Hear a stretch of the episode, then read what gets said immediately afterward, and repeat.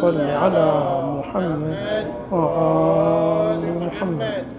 اللهم صل على محمد وآل محمد. قال تعالى في كتابه الكريم بسم الله الرحمن الرحيم.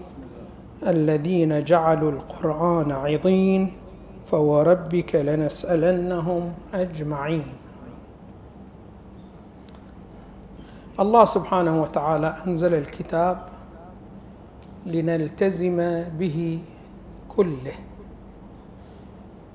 نلاحظ نحن في القرآن بعض المطالب مطالب عقائدية وبعضه مطالب أخلاقية وبعضه وظائف عملية. والوظائف العملية بعضها مرتبط بالجوانب المادية وبعضها مرتبط بالجوانب العبادية. الله سبحانه وتعالى يريد منا أن نلتزم بما في القرآن بكله. فالبعض مثلا يعجبه المادة العقائدية ولكن ما تعجبه المادة الأخلاقية الموجودة في القرآن.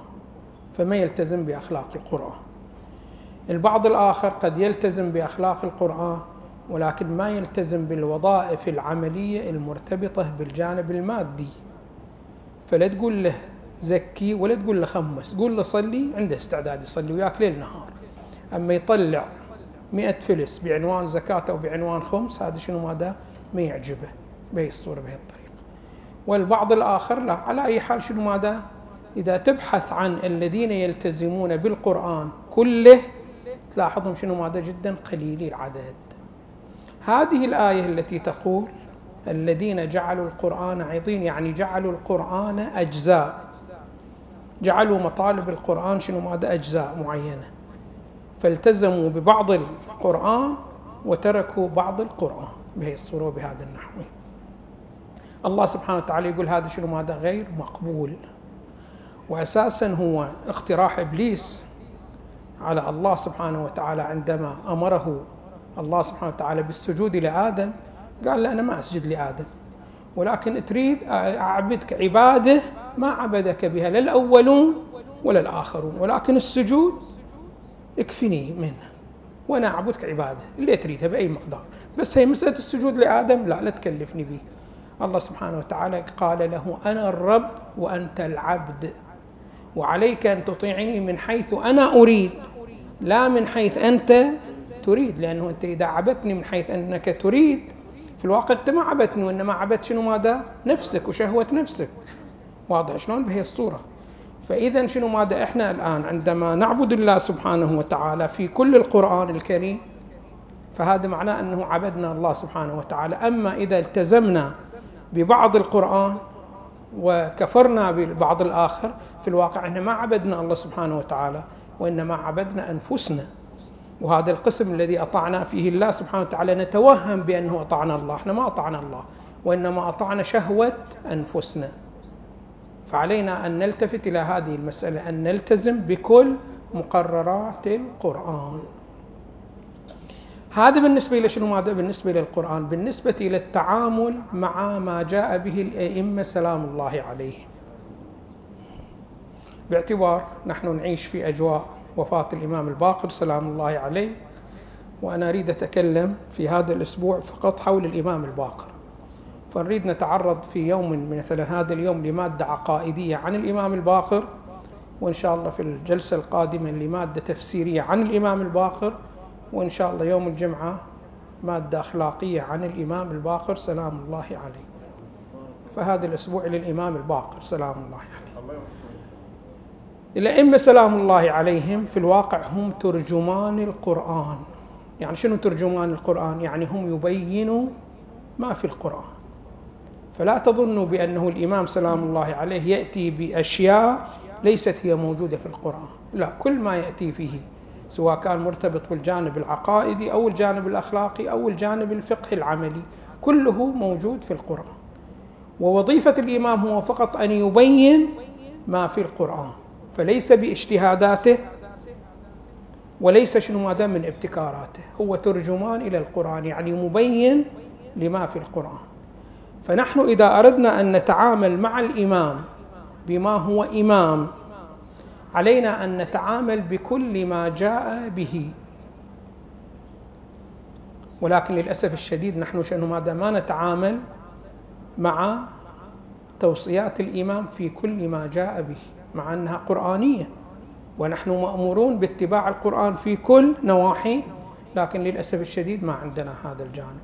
فتلاحظ مثلا تأتي مناسبات الإمام الباقر ويأتي على الإنسان عمره كله يقضيه في الدنيا ما يستفيد من الإمام الباقر مادة في جانب العقائد أو ما يستفيد مادة في جانب شنو مادة الفقه أو في جانب شنو مادة التفسير. هذا جدا شنو مادة ليس هو في الواقع قبول بالإمام. قبول بالإمام يعني قبول به كترجو كترجمان للقرآن. يعني مبين شنو مادة للقرآن. فإذا كان القرآن فيه النواحي الثلاثة فالإمام راح يوضح هاي النواحي الثلاثة وعلينا أن نتعامل معه في هذه النواحي الثلاثة. فهناك عنده روايات مرتبطة بالجانب العقائدي وعنده روايات مرتبطة بالجانب التفسيري وثالثة مرتبطة بالجانب الأخلاقي. للأسف الشديد أنت تروح الآن تحضر مجلس منبر توكم حاضرين ما شاء الله من المجالس. تشوف شنو ماذا يأكد على البطاقة الشخصية عن الإمام سلام الله عليه. الإمام ولد أي سنة؟ وتوفي أي سنة؟ كم ولد جاب إليه؟ واضح شلون؟ وكم شنو؟ ومنه أمه؟ وكم بنت ومنه تزوجوا البنات بعد واحد أكثر عنده قراءة في التاريخ كل شنو ماذا في البطاقة الشخصية. وكأنه في يوم القيامة الله سبحانه وتعالى بيوقفك وبيقول لك شنو ماذا الإمام الباقر؟ عنده كم ولد؟ وعنده كم بنية وفي أي ومتى ولد؟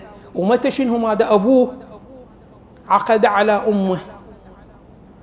الله سبحانه وتعالى ما بيسألك عن هذا الشيء وإنما الله سبحانه وتعالى بيسألك عما استفدته من الإمام فيما يبين القرآن الكريم.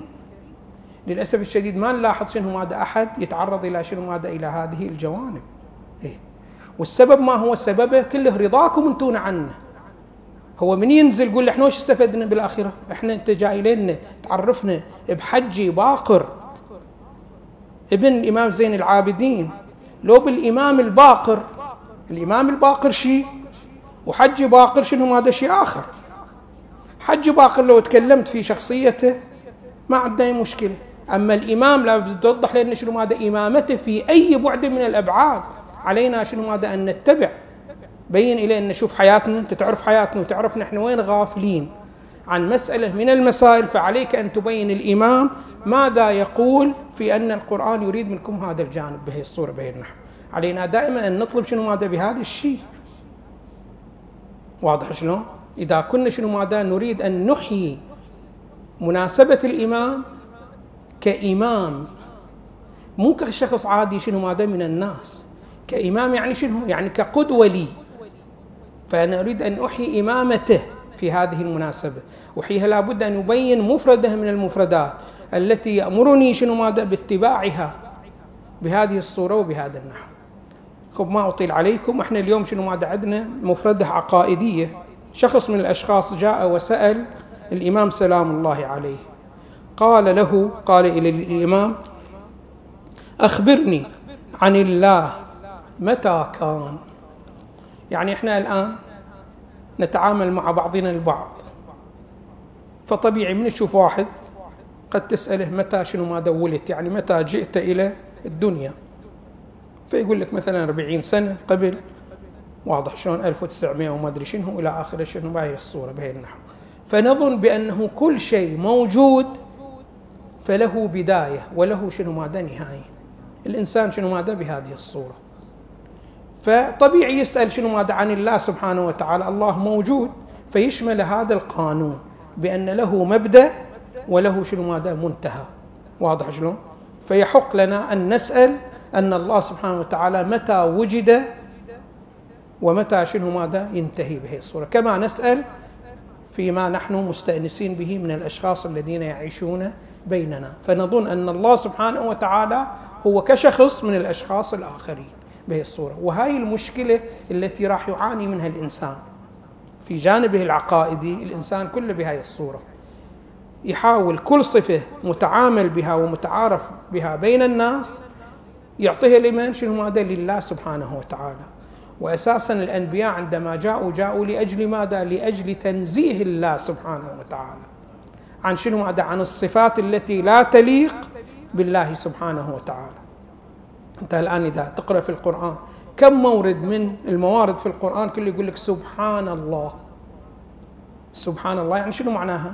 يعني أنزه الله سبحانه وتعالى عن كل وصف لا يتناسب مع الله سبحانه وتعالى.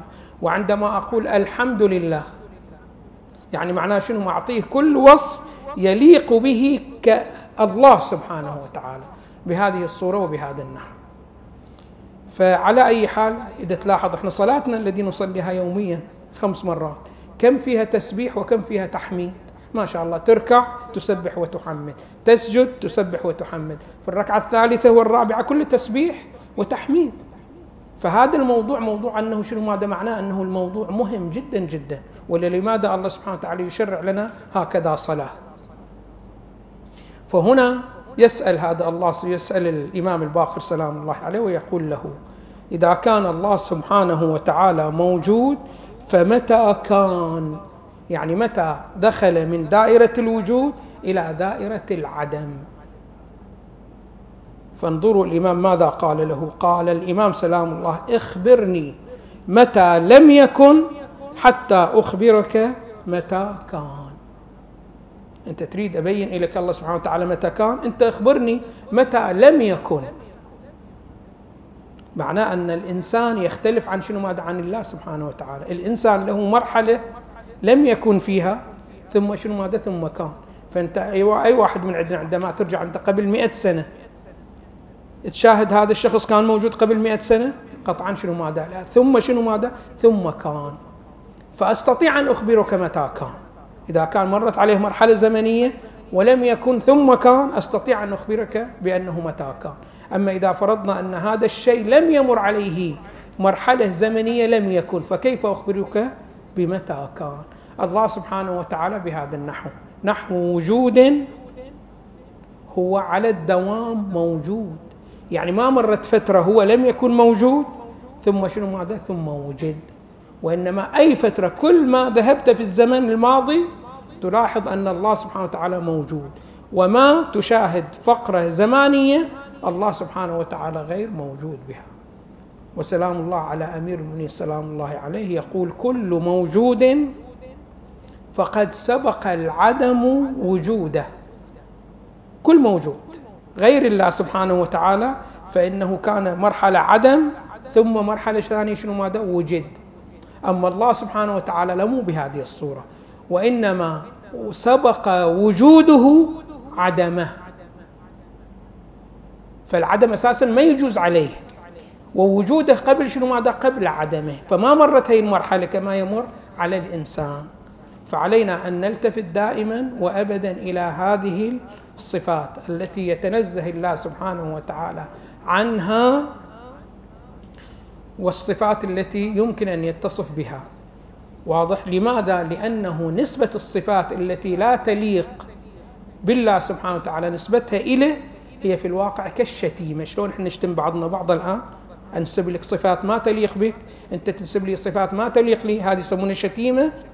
كذلك الله سبحانه وتعالى عندما تنسب له هكذا صفة واضح شلون؟ هي شتيمة. فهذا الشخص الذي يتوقع بأن الله سبحانه وتعالى له زمان لم يكن ثم كان هو في الواقع شنو ماذا يشتم الله سبحانه وتعالى. وإن كان هو شنو ماذا غير ملتفت لخطورة هذا الكلام. ولكنه شنو ماذا؟ هذه شنو ماذا؟ نوع من الشتيمة ولها أثر تكويني على شنو ماذا؟ على الإنسان المؤمن. فعلينا أن نهتم بالبعد العقائدي. شوفوا الروايات الواردة عن أهل البيت سلام الله عليهم. في البعد العقائدي ليست بقليلة. كثيرة جدا جدا. يعني أنا أعرف كتاب إلى الشيخ الصدوق رحمة الله عليه يسمونه كتاب التوحيد ما يقارب من 400 صفحة. كله شنو ماذا في التوحيد؟ يعني كله في مادة عقائدية مرتبطة بالله سبحانه وتعالى. فعلينا أن نلتفت إلى هذا الجانب وعلينا أن نحيي آثار أهل البيت سلام الله عليه في هذا الجانب. والحمد لله رب العالمين وصلى الله على محمد وآله الطيبين الطاهرين. اللهم صل على محمد وآل محمد.